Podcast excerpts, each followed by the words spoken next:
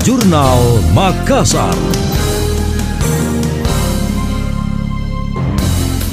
Saya Emil Faris dalam Jurnal Makassar. Tim pemburu aset bentukan pemerintah Kota Makassar siap bekerja. Salah satu fokusnya melakukan percepatan penyerahan aset prasarana, sarana dan utilitas PSU milik pengembang. Demikian disampaikan PLT Kepala Dinas Perumahan dan Pemukiman Makassar Nirman Mungkasa. Dia menyebutkan fakta yang terjadi di lapangan, pengembang masih banyak yang belum menyerahkan PSU, padahal sudah membangun sejak lama. Alasan mereka beragam seperti terkendala proses administrasi, pihaknya siap memberikan pendampingan. Dampak belum diserahkannya PSU, pemerintah terancam kehilangan aset. Dalam aturan, pelaku bisnis perumahan diwajibkan menyerahkan PSU sebesar 30% dari luas lahan yang dimiliki. Bentuknya seperti fasilitas umum dan sosial Fasum Fasos setuju saja sih sebenarnya uh, kalau akan ada dibentuk tim pemburu aset.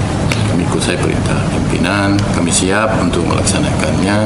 Kami sebenarnya kalau di tugas kami adalah menerima mencari uh, lahan PSU dari pengembang-pengembang untuk diterima dijadikan aset pemerintah. Nah, kalau aset sendiri kan yang tercatat dalam uh, buku asetnya badan pengelola keuangan dan asetnya itu yang akan dikejar mungkin yang dimiliki oleh pihak-pihak lain.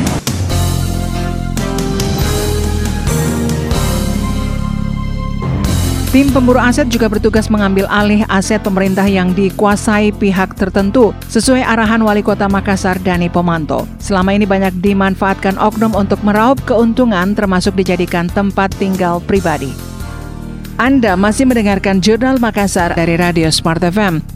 PLN Unit Induk Wilayah UIW Sulsel Rabar mencatatkan penjualan listrik yang meningkat. Terhitung hingga September 2021, realisasi konsumsi listrik mencapai hampir 6 terawatt hours atau TWH atau tumbuh 5 persen lebih dibandingkan tahun lalu periode yang sama. Peningkatan ini terutama dihasilkan konsumsi listrik dari golongan pelanggan industri. General Manager PLN UIW Sulsel Rabar Awaludin Hafid menyampaikan, pertumbuhan konsumsi listrik di sektor industri cukup signifikan sepanjang tahun 2021 yakni 15 persen lebih. Peningkatan konsumsi listrik ini merupakan kabar baik dan diharapkan dapat meningkatkan geliat perekonomian bagi pelanggan di berbagai sektor. Di sisi lain, pertumbuhan penjualan juga sejalan dengan penambahan pelanggan. Sampai dengan bulan September 2021, jumlah pelanggan PLN UIW Sulsel Rabar tercatat sebanyak 3,4 juta lebih, bertambah sebanyak 142 ribu lebih pelanggan dari tahun lalu. Awaludin menambahkan untuk menangkap berbagai peluang, pihaknya melakukan beberapa strategi. Pertama, memastikan pelanggan mendapatkan pasokan listrik berapapun daya yang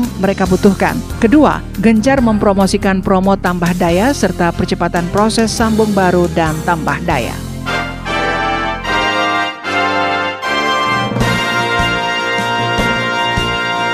Demikian tadi, Jurnal Makassar.